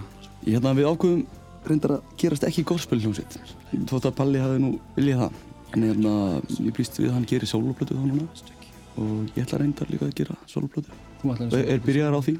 Já, já. Það sem ég syng sjálfur og reyndar fæ nokkra artista með mér til þess að hérna syngja það eru svona aðalega þá bara lagasmíð og útsetningar eftir mig En Páll syngur semast áfram í Jet Black Joe Já Ekki gekk það eftir að Jet Black Joe með Pál Rosenkrantz heldi áfram störfum því bandið held í raun sína síðustu tónleika í Austin og liðsmenn heldu hver í sína áttina eftir bandaríkjaferðina. Gunnar Bjarni fór að vinna tónlist með bræðrunum Kristni og Gunnlaugi Júniussonum. Þeir kölluðu sig Jet Black í fyrstu og gaf út lag á saplutunni Drefnir um vorið. Þegar platan, sem átti í fyrstu að vera sóloplata Gunnarsbjarna, kom út um haustið, var hún skrifuð á hljómsveitina Jets. Móiður, sýstir Kristins og Gulla, söng þar Mystery Girl. She's the one who turns me on. Yeah, she is my mystery girl. I kissed her eyes. I touched her smile. Yeah, she is my mystery girl. Páll Rosenkrantz sendi frá sér soloplutuna I Believe in You sem var reynda skráð á Christ Gospel Band og eins og nafni bendi til var gospel tónlist rauði þráðurinn á plutunni og öll lögin gamlir gospel standardar. Þorvaldur Bjarni Þorvaldsson vann plutuna með honum. Titilægið er eftir Bob Dylan og kom uppalega út á plutunni Slow Train Coming árið 1979.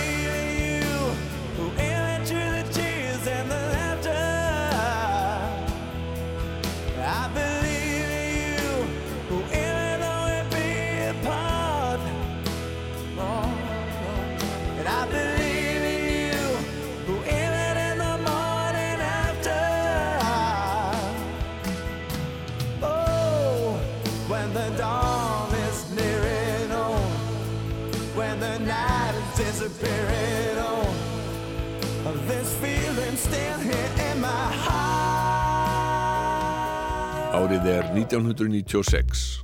As much as I definitely enjoy solitude, I wouldn't mind perhaps spending little time with you. Sometimes, sometimes, possibly,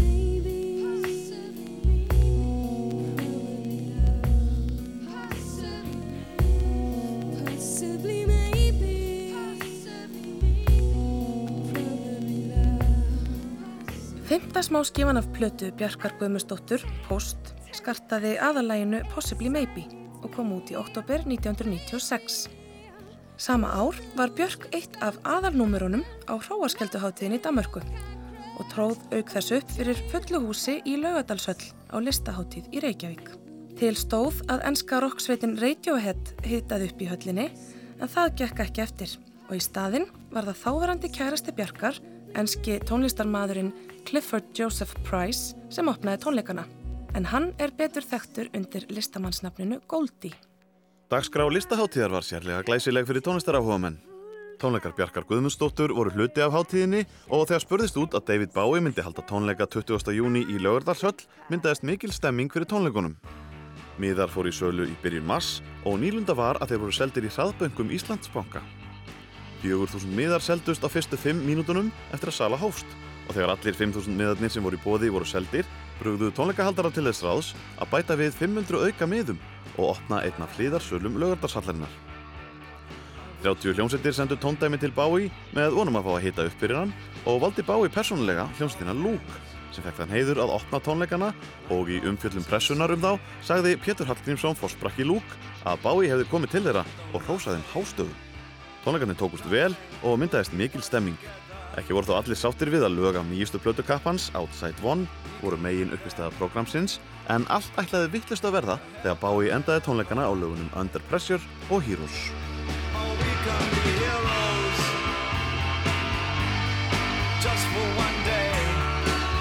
Hljómsveitin Prodigy kom til landsins í þriðja sinn á þremur árum og hjælt tónleika í laugadalshöllinni um miðjan mars að viðstöttum tæplega 4.000 tónleikagestum.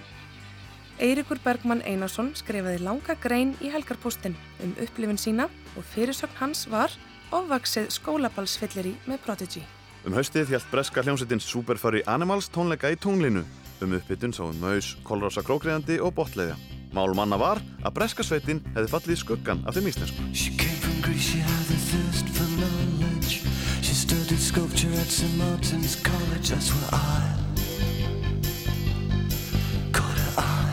Breska pophljómsveitin Pulp kom til landsins í gerðkvöld. Hún heldur tónleika í Lögardalshöllin á morgun. Hljómsveitin Blur er í för með Pulp en forsprakkar begja sveitana neyta því þó að Blur muni tróða upp á tónleikonum í höllinni.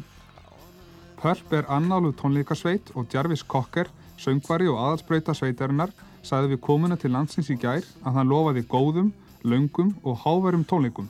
long and good and loud. Cocker segir að Pörp leiki poptónlist, ekki rock, það sé á gamaldags. Oh, not rock and roll, pop. A pop party. We don't play rock and roll. That's too old fashioned for us. Cocker var í fríi hér á landi fyrir nokkrum mánuðum og segir að sér hefa þó líkað vel. Hann hafi því viljað kynna landið fyrir hinum hljómsveitamæðlumum og halda hér um leið tónleika.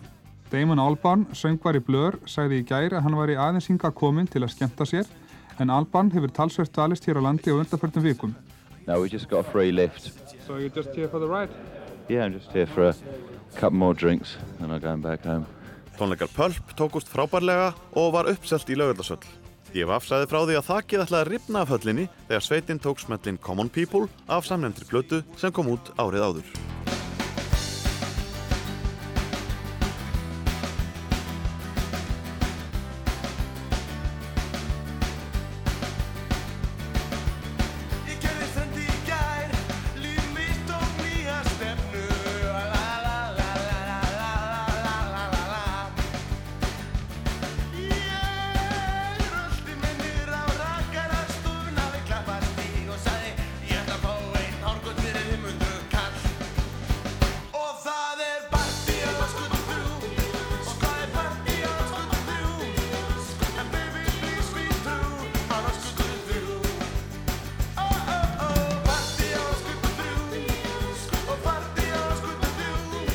Sólstofnagæðinir voru eiginlega runni búnir bara þarna strax. Eins og þegar það verði vinsælt með 95 þá er alveg tvö ár síðan þetta var samið. Þannig að mómenti er alveg farið. Og við náttúrulega höfum aldrei ætlað að gera neitt með þetta. Svo náttúrulega verður þetta svo vinsælt og við erum alltaf bara starfandi tónlistarmenn og túra. Og þá kom náttúrulega strax upp sko einhvern veginn svona einhver meðvirkni okkur, eitthvað svona þörf fyrir að að gera eitthvað meira. Og við gerðum alveg hann að tvær plötur viðbót á eitthvað einu ári eða eitthvað, við bara tókum bara eitthvað pól í hæðina bara að móka út svona ruggli í þessum anda. En, en það var rosalega fljótt sko einhvern veginn búið af því andi var ekki svo sami. Þannig að við svona eh, vorum aðeins þarna og svo tókum við þetta ár. Svo komum við þarna inn í árið eftir þá var þetta bara búið. Þá tókum við bara ákveð Jónas Sigursson sagði frá endalokum Solstrandargæjana sem komu óvænt inn í íslenska poppið ári áður en ævintýri fjaraði út árið 1996. Duettinn gaf út plötuna QTV fyrir sumarið og í læginu Party á Raskötu 3 syngja útastmaðurinn Gulli Helga og Jónsi úr Sigurrós bakrættir.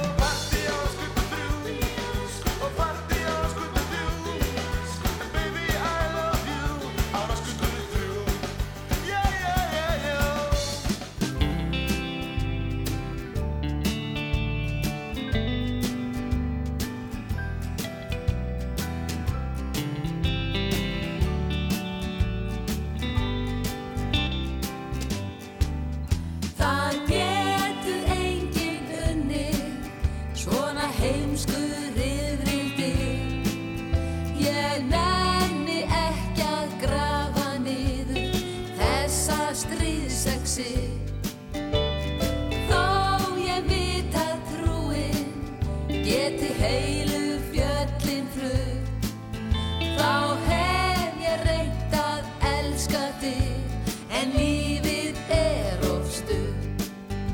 Snörurnar, það er Guðrún Gunnarsdóttir, Eva Ásrún Albertsdóttir og Erna Þórarinsdóttir, heldu á samt útsettjara sínum og upptökustjóra, Óskari Einarsinni, í hljóðver FIH og einni í stúdíó Sýrland í oktober 1996, þar sem fyrsta plata tríósins var tekin upp. Laugin sem öll voru erlendað uppruna að undanskildu síðasta lægi plötunar sem er eftir Magnús Eiríksson höfðu fengið íslenskan texta. Það þarf engan að undra að plata þeirra næði vinsældum en það var þar að finna efni sem hentaði línudönsurum vel. og var meðal annars að finna uppskrift að einum slíkum í fylgibók plötunar.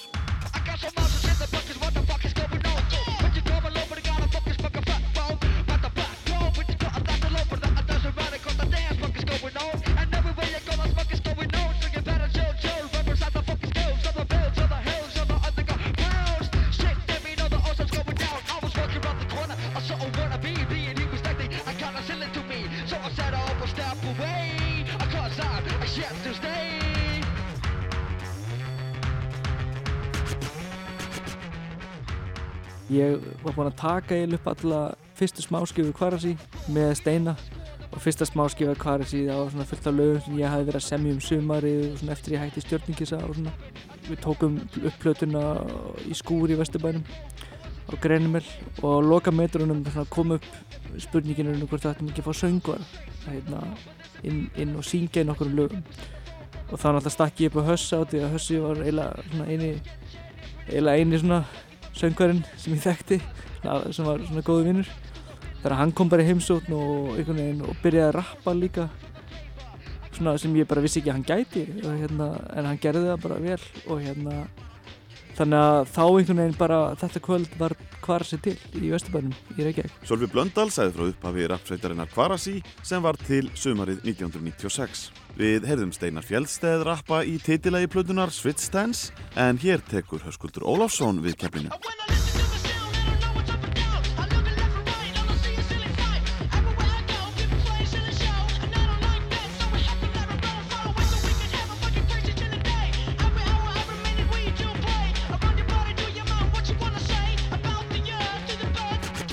Ég hafði sum, sumararnu undan gengið á milli einhver útgefanda og verið að bera í þá víurnar sko en án árangurs, það, það hafði engin áhuga á þessu. En uh, ég bara framleiti gripin sjálfur, ég greitti fyrir framleitskostnaðin og, og satt að segja átti ég ekki vonaði að, að selja veist, meira en tíu þess mér fannst ekkert eins og að væri neitt áhugi svona mainstream að þessu.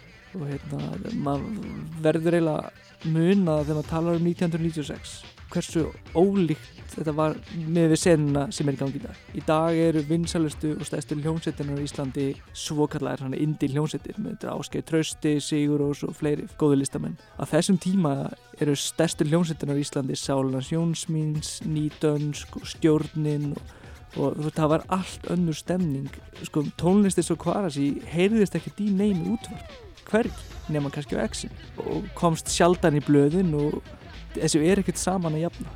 Þannig að, að það er ekkert skrítið að ég hef ekki haft neina væntingar. Ég bara, ég framleiti þessi 500 stykki og, og svona að gefa vinum á vandamunum þetta í jólagjöf og svo fram það getur vonað að þetta myndi fara eitthvað meira sko. Drómarinn Sölvi Blöndal var líka aðal lagahöfundur og upptökustjóri Kvarasi og hafði með sér vini sína úr Vesturbænum Steinar Fjellsteð og Höskuld Ólafsson sem rappara og Rittjard Odd Haugsson sem klóraði plötur Upptökufyrirtæki Sölva, Lax Records, gaf plötuna út og hún seldist upp fyrir jólinn. Í læginu Lone Rangers syngur Maggastína sýstir Sölva með Kvarasi.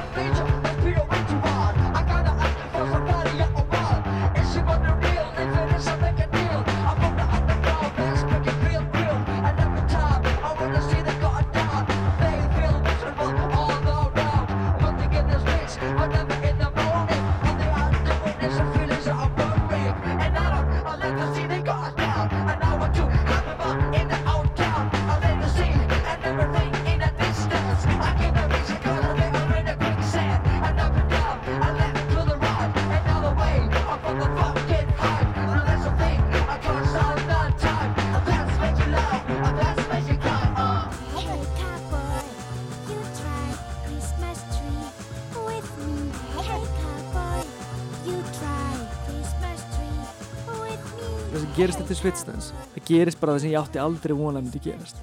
Allt í einu fer, fer maður úr því að ég komst ekki inn á skemmtistæði Reykjavík frá því að dýraverðinir vildu fá, fá mig fram fyrir röðina sko. og stelpur byrja að helsa mér út á götum og, og, og það gerist bara það sem gerist alltaf þegar veist, hljónsveit fær success veist, og ég bara allt í einu byrjuði bladamenn og útvarsmenn að ringi mig en ég ekki að ringi þá. Og Kvarasi varð á einni nóttu landsfræk hljónsveit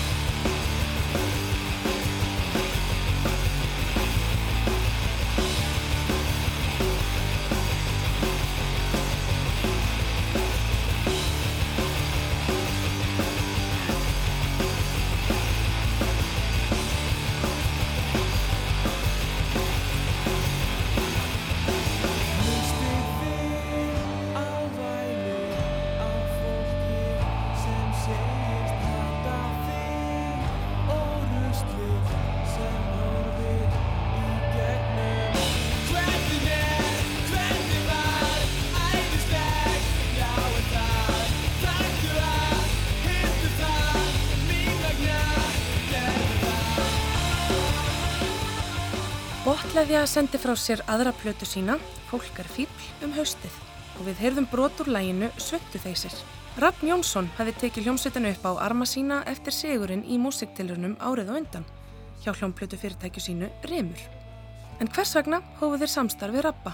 Heiðar Örn Kristinsson, söngvari og gítarleikari, svarar því. Við fórum hérna til hans að því að við höfum frétt af því að hann væri heiðarlegu maður í þessum heimi en allavega hana þá bara hérna hjálpaði hann okkur alveg ótrúlega mikið. Hann náttúrulega tók okkur upp á arma sína og, og, og gaf út þessar fyrstu plötur ásamt því að hann var alltaf með í hérna, upptökuferlinu og hérna, var svona hálfpartinn að pródúsera og koma með hugmyndir sem var bara frábært. Og svona var svona að reyna að umba okkur líka sko.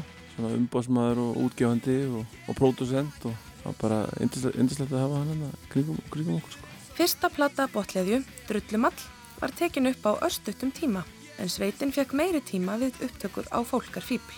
Upptökustjórin og Íslandsveinurinn Ken Thomas aðstóðaði við hljóðblöndun og það heyrðist að platan hljómaði betur og botleðja var ekki lengur bara efnileg heldur leiðandi í íslenska rockinu. Þegar Íslenska tónlistarárið 1996 var gert upp á Íslensku tónlistarvælununum kom botleðja sá og segraði sem besti flytjandin með bestu plötuna og lagið Hausverkun var valið lag ársins.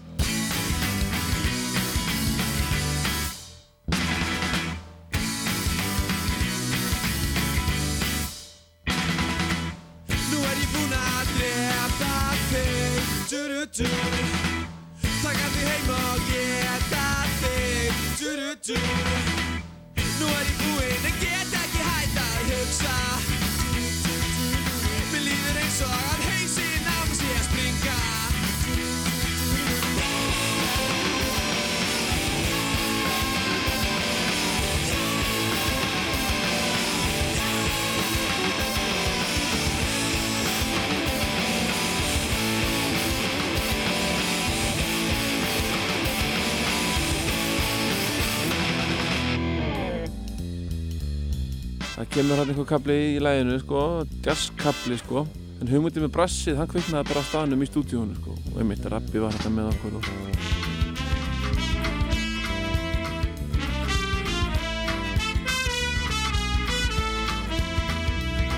frá brass þarna inn í, inn í þennan kapla sko. Það gerði lægið svolítið svona epist sko. Þetta er svolítið svona þannig lag sko. Og það virkt svínvirkaði bara. Maður alveg um leið og við heyrðum það sko. Þetta er svona sveifla og þetta var náttúrulega heimur sem við þekktum ekki sko og þessi, þú veist, einhverju strákar á hafnafærið sem að sjálfur er að hljóðfæri og, og kunni ekki eins og að spila til nótum sko við ekki, komum ekki úr þessum heimi sko þar sem að menn voru að fara að útsetja á einhverja pappira sko Árið er 1996.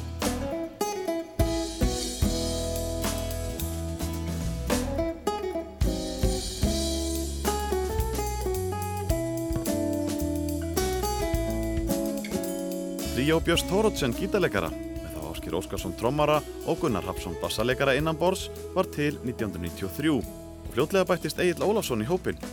Þeir unnu að plötunni Híf Opp setni hluta ás 1995 og komin út í mars 96 og inn í held lög eftir Björn og Egil þar meðal tvö lög þursaflokksins. Uppafslægið, Impromptu, var til í flugi til Vestmanneja í mikilli ókýrð og beitti Björn þeirri aðferð gegn flugkræslunni að semja róandi tónverk í ljóðrænum anda. Egil samt í lagið Rólegan Æsing upphaflega við enskan texta eftir Sellu Pálsson sem átti að vera hluti af söngleik sem þau voru með í smíðum en lagið fekk síðar íslenskan texta sem Egil samti sjálfur. Þessar fágætu hendur koma við án þess þær snerti þig og skilja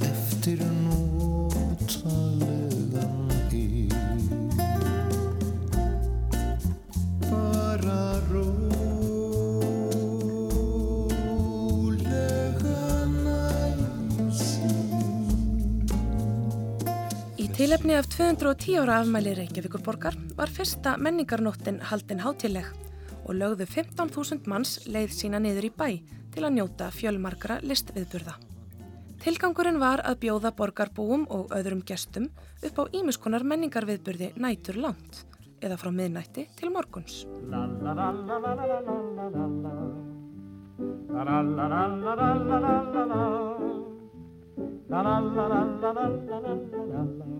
Sigfús Haldursson, tónskáld og myndlistamadur lest 21. desember 1996, 76 ára aldri. Sigfús var eitt ástsælasta tónskáld landsins og nutu laugin hans Littla flugan, Tondilegjó, Vegir liggja til allra átta og mörg fleiri mikill af vinselda. Hann var lærður leikmyndamálari og fjækst lengi við myndlistakenslu auk tónlistastarfa sinna. Ef ég væri orðin lítil fluga, ég innum gluggan sveitti flugið mig. Og þó ég veit til annars mætti duga, ég eflaust gæti kýtla neði þig. Svavar Gest, tónlistarfrömmuður, andaðist 1. september 1996 af völdum krabbameins. Elli Vilhjáms, eiginkona Svavars, lést hösti 1995 og eftir það rakaði hilsu hans hratt. Hann stjórnaði eigin hljómsveitum ára bil, rak hljóðfara verslun og var umbóðsmaður tónlistarmanna. Svavar stopnaði SG hljómplötur 1964 og var einn afkastamesti útgefandi landsins. Hann starfiði líka við útvarpstáttagerð, fyrst á rás 1 og síðan á rás 2. Saxofónleikarinn Finnur Eidal lést 16. november 1996, aðeins 56 ára gamall. Hann hóf ungur að leika í hljómsveitinni Atlantic kvartettinum sem var stopnað með bróður sínum og var um tíma með eigin hljómsveit og söng Helena Eyjálfsdóttir eiginkona hans með báðum hljómsveitum. Finnur og Helena gengu í hljómsveit Ingimars Eidal sem leik lengi í Sjallanum og Akureyri og var landsfræg. Árið er 1996. Hinn unga og efnilega söngkona Emiliana Torrini bar höfuð og herðar yfir aðra árið 1996 því önnur plata hennar, Mörmann, seldist í 11.700 eintökum. Platan Strumpastuð seldist í 10.000 eintökum og saplatan Pottet Jól náði 9.000 eintaka sölu. Plata með tónlist úr leikritinu Stone Free seldist í 8.000 eintökum og þar var Emiliana Torrini í stóru hlutverki og söng fjögur af 12 lögum plötunar og er óvægt að segja að Emiliana hafi verið sigurværi ásins. Allar áttir með Bubba Mortens fór í 7400 eintökum og næstur kom Páll Óskar og platan Save sem seldist í rúmlega 6000 eintökum. Og þá er árið 1996 senn á enda. Ég heiti Sigriður Tólasíus. Umsjónumenn þáttarins eru Ásker Eithórsson og Gunnlaugur Jónsson og Jónatan Garðarsson aðstóðaði við handritskerð. Í næstu viku skoðum við Íslenska tónlistarárið 1997 en við endum á lægi af fyrstu plötu Margreðar Kristínar Sigurðardóttur sem kom fram undir nafninu Fabula. Platan heitir Cut My Strings og hér er lægið Heavy Secret. Takk fyrir að hlusta.